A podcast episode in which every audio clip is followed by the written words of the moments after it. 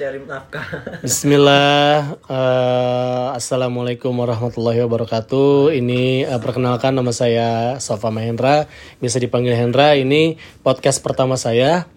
Di sini eh, saya mengundang teman-teman terdekat dan masya Allah teman-teman terdekat saya juga. Setiap orang mempunyai kisah tentang kehidupannya, proses dia untuk balik ke fitrahnya lagi. Di sini ada saudara kita namanya Guntur Putra, ada Pak Arif juga dan ada eh, Ustadz kita pokoknya di di di, di perlingkungan teman kita uh, dia Ustadznya Ustadz Malik Masya Allah. Apa kabar Ustadz? Alhamdulillah khair. Amin Alhamdulillah. Guntur apa kabar Tur? Masya Allah, Alhamdulillah. Arif? Masya Allah, Alhamdulillah. Alhamdulillah ya sehat semua Amin. Oke uh, ini berarti kita untuk uh, bincang pertamanya ke Guntur nih. Guntur boleh tahu sekarang umur berapa sih Afwan Uh, memasuki 30 apa 31, saya lupa dah. Oke, berarti udah memasuki 31 ya. Berarti ini antum nih untuk uh, proses hidupnya juga berarti udah masya Allah banget ya banyak pengalaman hidup Udah. yang Istilahnya melalui quarter life crisis. Iya, banyak uh, me- apa sih namanya merasakan uh, manis asam asinnya kehidupan ya. Iya, kayak Nah, nano-nano ya. Iya, nah di sini mungkin antum mau uh, sharing berbagi siapa tahu dari perjalanan hidup antum bisa menginspirasi untuk para pendengar nih. Nah, uh, masalah orang kan punya masa lalu ya. Kalau masa lalu itu berarti identik sama jahiliyah ya, lebih banyak untuk hal-hal buruk atau baiknya, tapi kita di sini tidak membicarakan untuk aib seseorang ya karena kan Allah sudah menutupi aib kita. Jadi di sini lebih lebih menuju untuk uh, support mungkin di luar sana banyak yang dapat hidayah banyak yang pengen hijrah tapi dia nggak tahu gimana prosesnya nah mungkin dari cerita uh, Bang Guntur nih bisa diceritakan gimana ceritanya Kenapa? Oh iya ada telepon ya berarti Ya, kita nih dulu. Angkat, angkat dulu nggak apa-apa sih nggak apa-apa. Kita pindah ke narasumber lain. Kita oke kita pindah ke narasumber dengan Pak Arif nih masya Allah tabarakallah. Eh, Pak Arif ini salah satu eh, kari- karyawan ya bisa dibilang ya atau udah punya perusahaan sendiri. Masya Allah. Pengusaha juga nih masya Allah ya. Antum lagi bisnis ya Lagi bisnis mencoba bisnis baju ya. membangun bisnis. doanya ya semoga ya, ya nah Pak Arif ini masya Allah beliau sudah punya uh, dua putra. Yang masya Allah putranya juga uh, masya Allah banget. Mungkin Pak Arif nih uh, lebih banyak apa namanya pengalaman hidupnya lebih banyak lebih banyak dari dari Guntur ya. Dari Guntur yang lagi lagi eh ini ini apa apa nih? Guntur Guntur udah udah udah udah selesai telepon. Jadi balik ke Guntur lagi ya. Ini gimana tur? Antum tur? Cerita Yang yang begitu apanya nih? Iya, maksudnya eh, tentang perjalanan kehidupan antum yang bisa di-sharing di sini tuh seperti apa? Nah, singkat cerita aja ya. Kalau yang masalah flashbacknya mungkin nggak perlu dibahas. Iya. Nah, ini berawal dari perjalanan waktu umroh ceritanya. Masya Allah, alhamdulillah ya.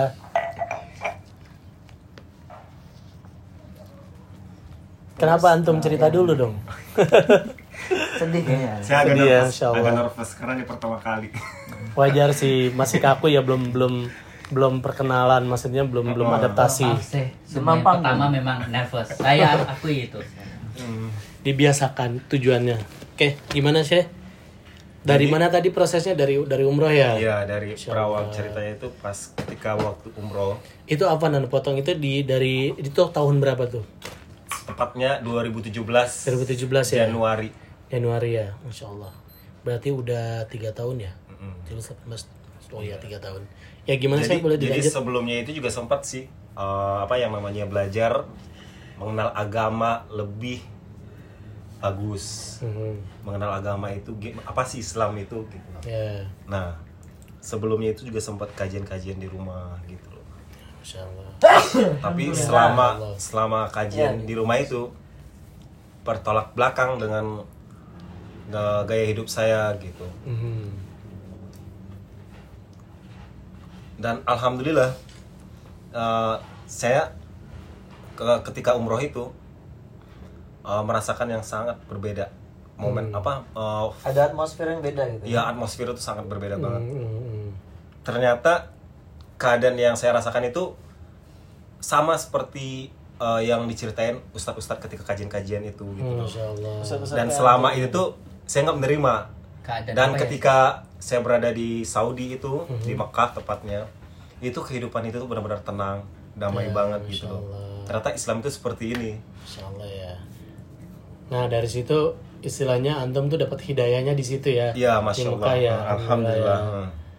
Jadi eh, niat niat pertama saya ketika sampai di sana itu saya langsung berjanji, Hmm. Insya Allah saya nyampe di Indonesia ingin berubah berubah total. Masya Allah. Nah, jadi doa saya di, selama di sana itu cuma pengen hidup saya berubah wa- walaupun tidak 100% tetapi saya ingin berubah total. Dan bahkan saya sempat eh, kepikiran pengen tinggal di sana karena Allah. saking damainya kehidupan Semoga di sana dijabah ya. ya. Amin amin. Hmm. Dan selama berada di sana hati saya terbuka untuk pengen belajar bahasa Arab Hmm, biar bisa mengenal Islam secara luas karena Ya.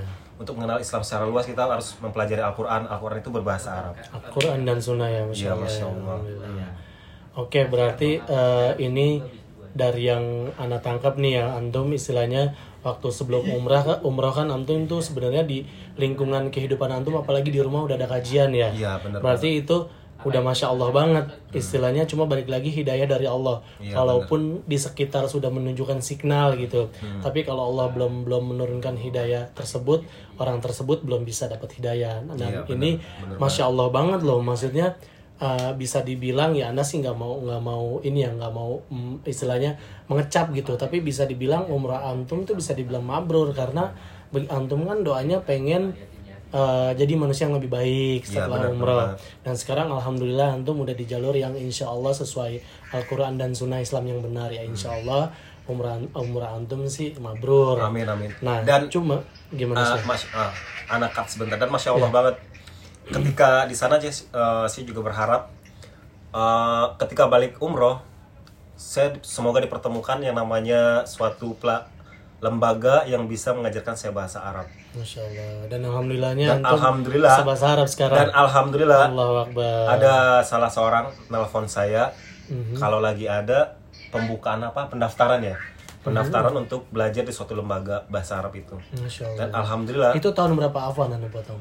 Di 2017 itu nggak lama. 2017 ya? Setelah antum pulang iya umroh setelah ya? pulang dari umroh itu langsung diijabah sebulan dua bulan? Iya. Iya benar satu, satu bulan dua bulan. Iya dan alhamdulillah saya diterima di lembaga itu Alhamdulillah ya Rabbil Alamin ya semoga dan di sana merasakan ya enaknya banget gitu loh Ya. menuntut ilmu itu gitu loh Masya Allah ya. Jadi memang yang namanya ilmu Allah itu itu eh, apa sih namanya kebahagiaan dunia insya Allah Hmm, kebahagiaan pasti yang sampai hakiki, akhirat ya. ya, yang real real Ya, happiness gitu. Jadi mungkin di sini eh, jangan pernah takut untuk untuk menjadi manusia yang lebih baik ya. Iya. Terus belajar terus belajar. dan satu Mhm. niat niat itu segalanya Ya, masya Allah. Nah, ini pesannya kan uh, pertanyaan anak pribadi nih ya, namanya orang mau menuju menjadi yang lebih baik. Terus ini kan dunia ini kan tempatnya cobaan untuk orang-orang yang beriman. Nah, sepanjang proses antum hijrah bisa dibilang dan proses untuk menjadi manusia yang- yang lebih baik sampai saat ini itu kan untuk istiqomah itu kan berat. ya Terus tambah lagi ya antum punya masa lalu yang mungkin kurang baik.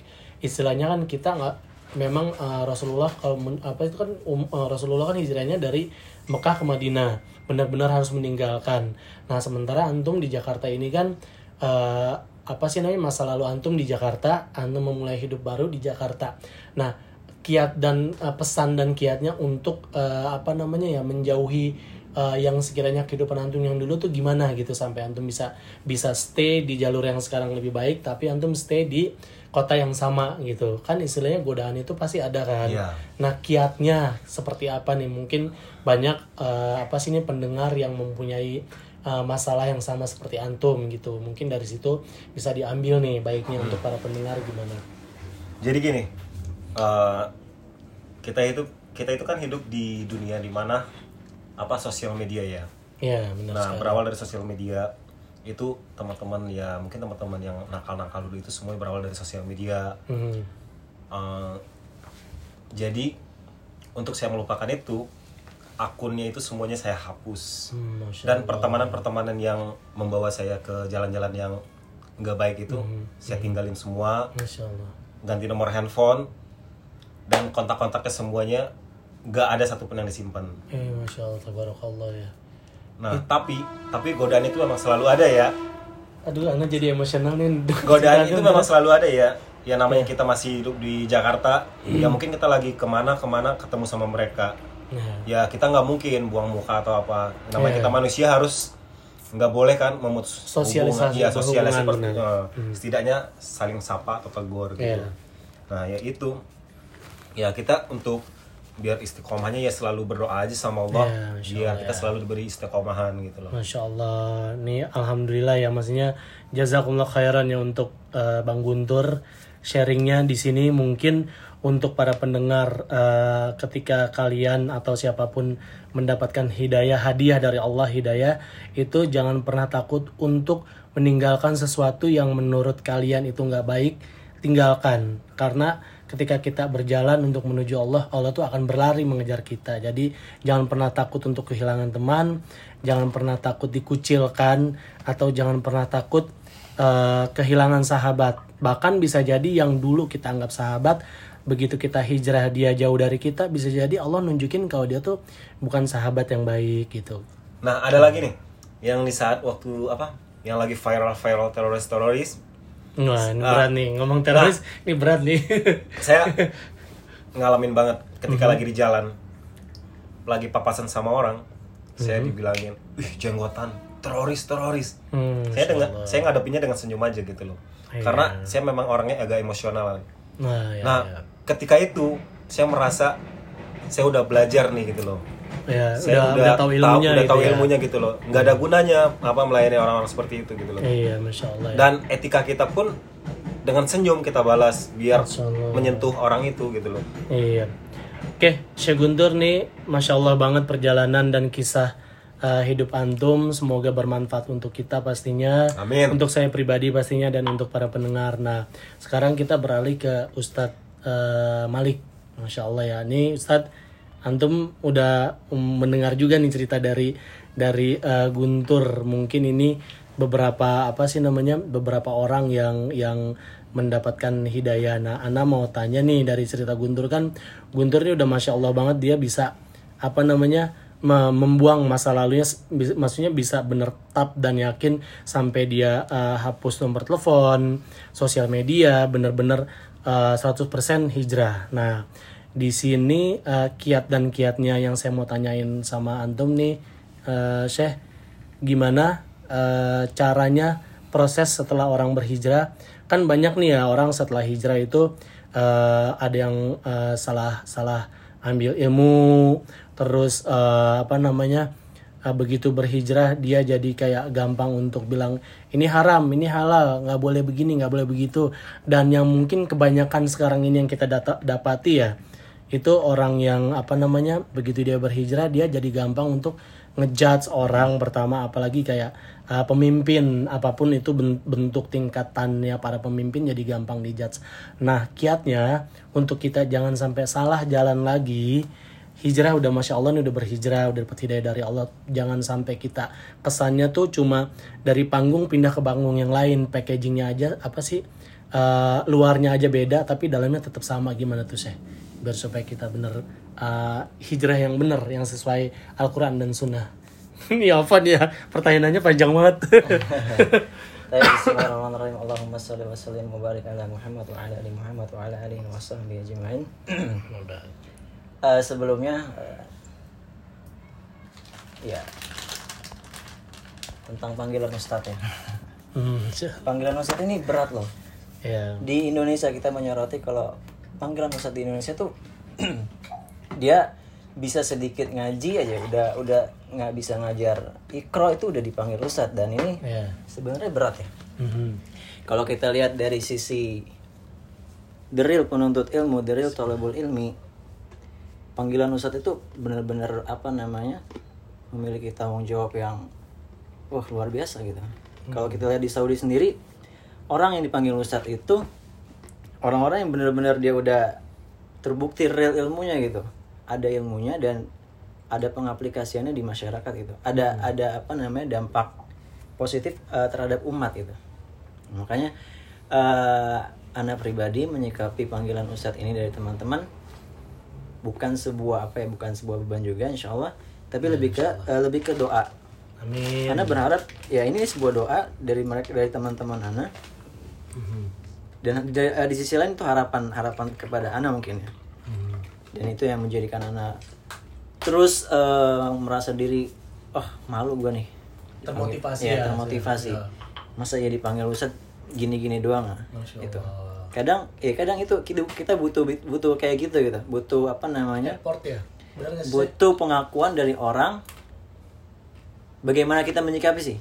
Itu bisa jadi fitnah panggilan itu. Kadang ya kita dipanggil ustadz yang nyatanya kita jauh dari level ustadz yang sebenarnya di, Iya, di iya. dalam itu gitu Hmm. kalau kita benar-benar memanfaatkan itu Waliyazubillah ya eh, memanfaatkan apa namanya pengakuan dari orang lain itu uh, eh, luar biasa banget Hmm, Masya Allah. makanya bagaimana kita menyikapi eh, apa namanya eh, apa namanya istilahnya Apa nih? Eh, pengakuan orang ya Oh, jadi Labeling eh, dari ya, orang gitu. Misalkan orang itu bilang ini ustadz gitu, tapi sebenarnya eh, apa namanya gaya hidup eh, style udah pasti orang bisa ngikutin style. Cuma the real ustadz itu bukan cuma style, maksudnya Iya. dia sampai bisa dibilang ustadz. Memang real ustadz tuh yang memang orangnya tawadu, ilmunya masya Allah, Betul. terus eh, pikirannya nggak cuma duniawi atau apa, maksudnya yang seperti yang memang ustadz, ustadz yang memang ustadz bukan ustadz yang berkedok ustadz gitu ya. Seth? Iya. Kadang kan ada istilah ustad dan ngustad pakai Nah. eng. Jadi ngustad itu kayak dia lebih konotasinya negatif sih. Hmm. Orang yang dia bener apa? Diakuin sama orang lain ustad, padahal Hmm. dia bukan ustad. Terus dirinya me- mengiyakan gitu. Mhm. Jadi kayak kayak apa namanya? Aji mumpung ya bahasanya. ya. Ya. Ini harus perlu disoroti sih eh, terkait labeling dari orang, baik itu positif ataupun negatif. Itu bukan ter- bukan bukan bukan hendaknya eh, yang jadi fokus kita bukan labelingnya itu, tapi bagaimana kita menyikapi labeling itu. Hmm. Baik itu positif, misal kita dipanggil ustadz nih, itu bagaimana kita menyikapinya bukan bukan tentang labelingnya itu gitu. Ya. Kemudian eh, di sisi positif mungkin eh di yang eh, labeling negatif mungkin contohnya apa?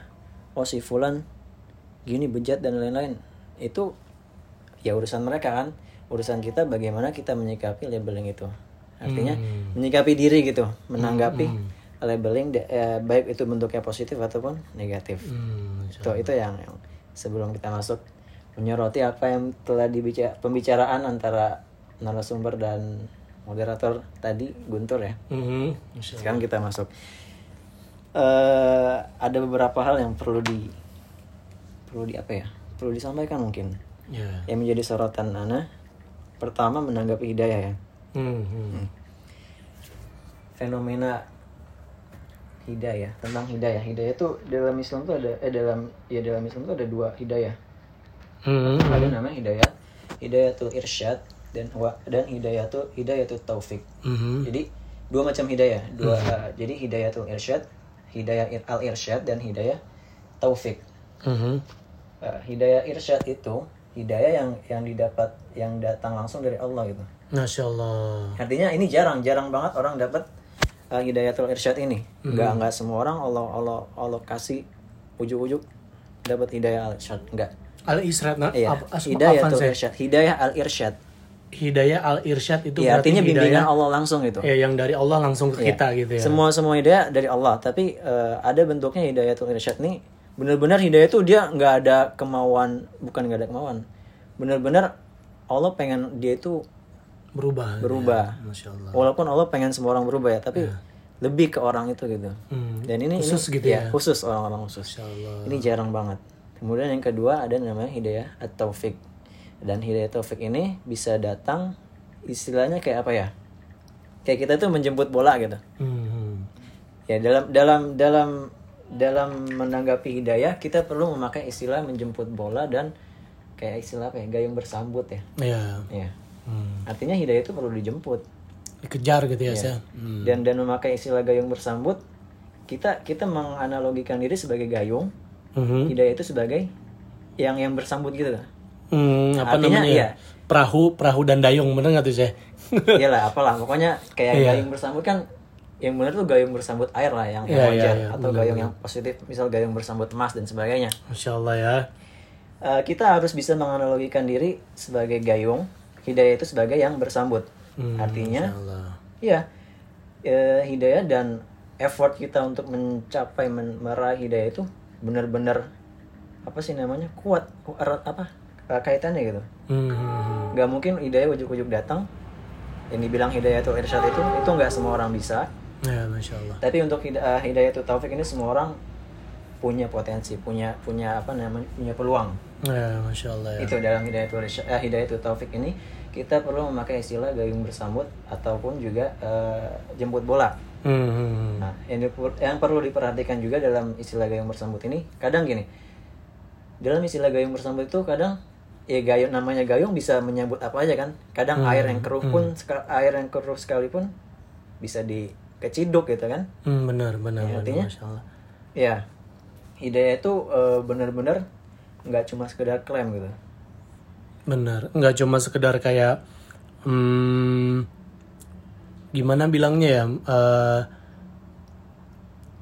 kayak mengklaim gue dapat hidayah nih gitu ya. Betul, betul, betul. Kayak eh, apa sih namanya terlalu eh, bukan terlalu, Terlalu dini, pede. prematur. Iya, kayak selalu ngecap, oke ini gue dapat hidayah nih gitu. Sementara eh, gaya hidup bukan gaya hidup ya, maksudnya kehidupannya tuh masih masih Masih jauh dari masih kata- jauh dari kata orang hidayah yang orangnya, masya Allah ya. Nah, hmm, itu kan segi dari eh, macam-macam hidayah ya seh. Nah, maksudnya i- di sini yang anda mau tanyain tadi itu eh, gimana caranya eh, men- setelah dia dapat hidayah untuk bisa stay istiqomah itu kiatnya gimana nih biar supaya jangan sampai salah guru, jangan gampang ngejudge, terus eh, apa sih namanya eh, bilang itu bid'ah, bilang bilang itu haram gitu. Itu gimana nih? Berarti kan itu dasarnya dulu nih saya yang harus yang harus di digempur gitu, di change gitu. itu dia Eh, dalam dalam eh, menanggapi hidayah menyikapi hidayah sebuah hidayah ini bukan hal yang instan bukan hal yang mudah pertama hal yang perlu perlu di kita tanamkan itu apa jangan mudah mengklaim diri udah dapat hidayah Hmm, benar benar ya. ketika kita udah mengklaim udah dapat hidayah nah ini akan berubah yang tadinya kita terus mencari hidayah itu gimana ketika kita mengklaim diri udah dapat hidayah ya udah ajak aja di, di di posisi di kondisi kayak gitu gitu Karena dia udah yakin Karena dia dia dapat hidayah ya saya. itu datangnya dari setan. Iya. Jadi kayak Eh, ujub iya, bener gak sih saya?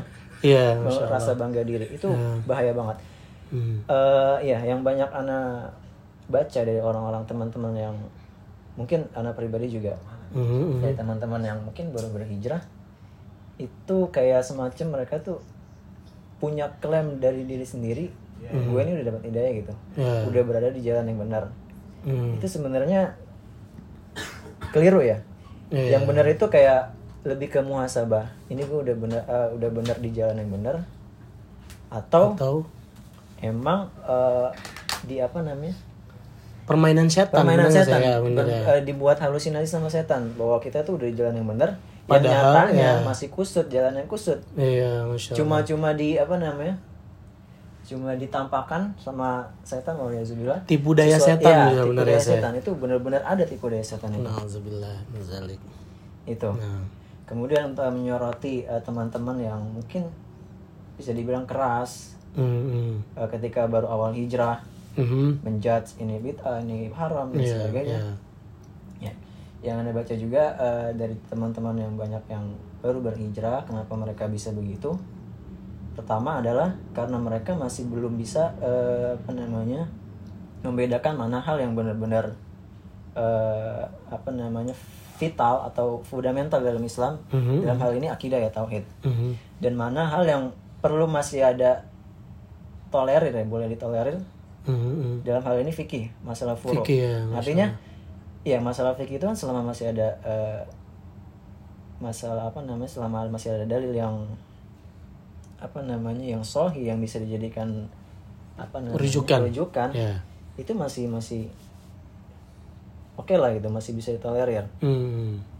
jadi yang anda baca eh, teman-teman yang bermudah-mudahan menjudge ini bid'ah ini nggak boleh Hmm. itu dia belum bisa membedakan mana yang mana masalah akidah dan Mana masalah fikih. fikih. Hmm, Masya Allah. Oke lah semangat itu nggak salah. Eh, ini ini ini ini kafir nih Hmm. sebagainya.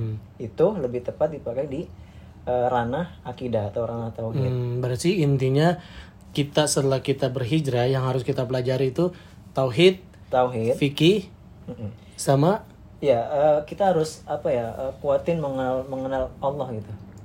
Ketika kita Hmm. udah benar-benar mengenal Allah, insya Allah Allah akan ya tuntun lah. ya masya Allah ya. Bagaimana mengenal syariatnya, Allah, membawa syariatnya, Hmm. bagaimana mengamalkan syariat itu sendiri gitu.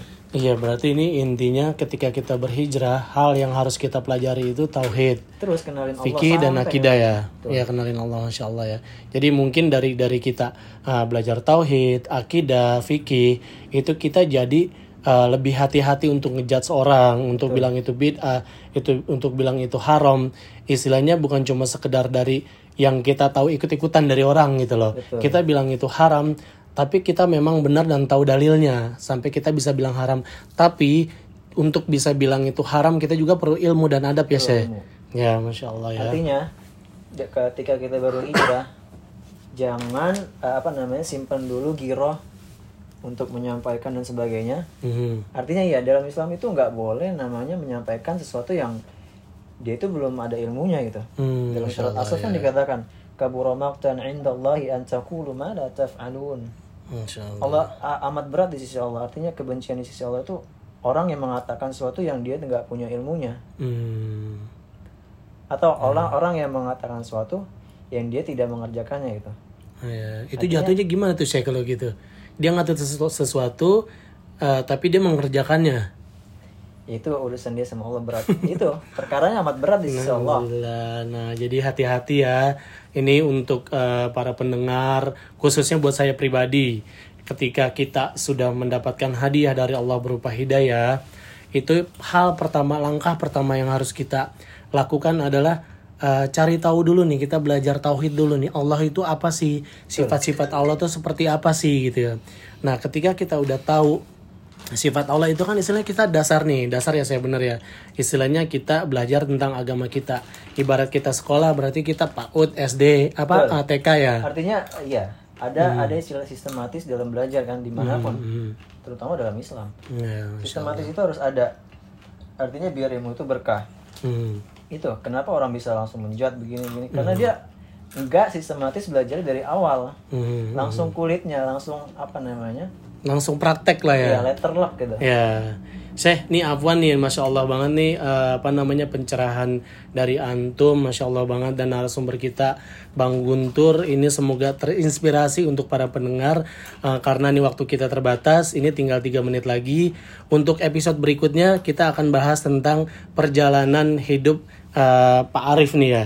Ini untuk eh, Ustadz Malik dan eh, Guntur, masya Allah, ana ucapin jazakumullah khairan. Semoga antum eh, stay istiqomah dan untuk Ustadz semoga eh, terus memberi ilmu-ilmunya untuk kita semua ya.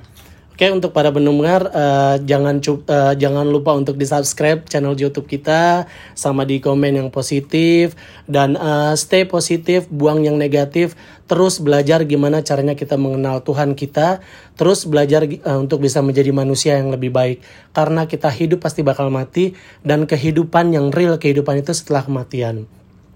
Oke, wassalamualaikum warahmatullahi wabarakatuh. Saya uh, Sofa Mahendra pamit dulu. Uh, semoga kita semua menjadi manusia yang lebih istiqomah di jalan Allah. Amin. Amin ya rabbal alamin.